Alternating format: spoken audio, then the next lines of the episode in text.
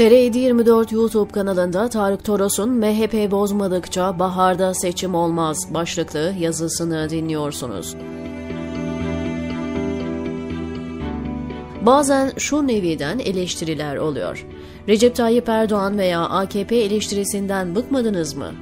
Böyle düşünen varsa çok yanılıyor. Eskiden partilerin alternatifi vardı. Özal'ın ANAP'ı tükenince halk 6 kere denediği Demirel'e yöneldi.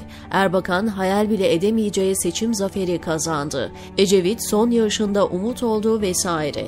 Bugün böyle mi? Halka soruyorlar. Ekonomik sorunları iktidar çözebilir mi? %63 hayır diyor. Peki muhalefet çözebilir mi? %55 hayır diyor. Metropol Ekim 2021. Muhalefet son 20 yıldır hiç iktidar olmadığı halde tükenmiş. Umut vaat etmiyor. Şu üç görüş çarpışıyor. İlk seçimde giderler. Kaybedecekleri seçimi ertelerler. Kazanacakları seçimi dizayn eder, hep iktidarda kalırlar. Analizleri takip ediyorum. Çoğu içinden geçeni değil, olması gerekeni söylüyor.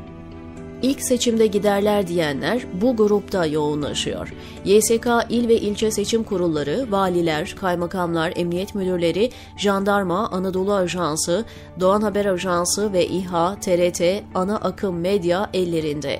Seçime katılacak parti ve adayları tamamen keyfi olarak belirleme olanakları var. Seçim sandıkları, sandık başkan ve görevlileri, müşahitler, oy torbaları, bunun sayımı ve ulaşımı. 20 yılda muazzam profesyonelleştikleri bir alan bu. 200 bin sandık varsa sandık başına 3 kişi olmak üzere en az 600 bin kişi oy merkezlerinde gözünüz kulağınız olmalı. İlaveten on binlerce avukat sahaya yayılmalı. Yığınla tartışma olacak, kavga çıkacak, silahlı insanlar sokağa inecek ve olaylar adliyeye intikal edecek. Adlileri kimin beklediği malum ajans, medya takip, sosyal ağlar desteği ayrı bir konu. Şöyle veya böyle seçim olursa alınacak tedbirler kabaca böyle. Olmazsa ne yapacaksınız? Son toplantıda ekonomik tehdit algısını ilk sıraya koyan MGK bir tavsiye kararı alırsa mesela nasıl itiraz edeceksiniz? Bunun cevabını veremeyenler olumsuz algı pompalamakla, felaket tellallığıyla itham etmez mi ona içerliyorum. Herkes için daha önce deneyimlenmiş bir sürece girildi. Krizle geldiler, krizle gidecekler deniyor. Tamam da bu eski Türkiye'de kaldı. İdeal bir ülke değildi ama ilan edilen enflasyon ciddiye alınır, seçimlere itiraz eden çıkmazdı. Bunların düzgün yapıldığı varsayılırdı. Anadolu Ajansı'nın yalan haber geçtiği düşünülmezdi. Bugün bunların hepsi alt üst oldu. Bir yönüyle belki iyi de oldu.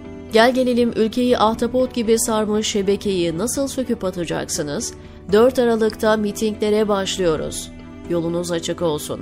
Bir buçuk yıl böyle gider. Muhalefetin bastırmasıyla seçim olmaz. İktidar da kendiliğinden seçime gitmez. Deniyor ki ilkbaharda seçim olur. Neye göre, kime göre?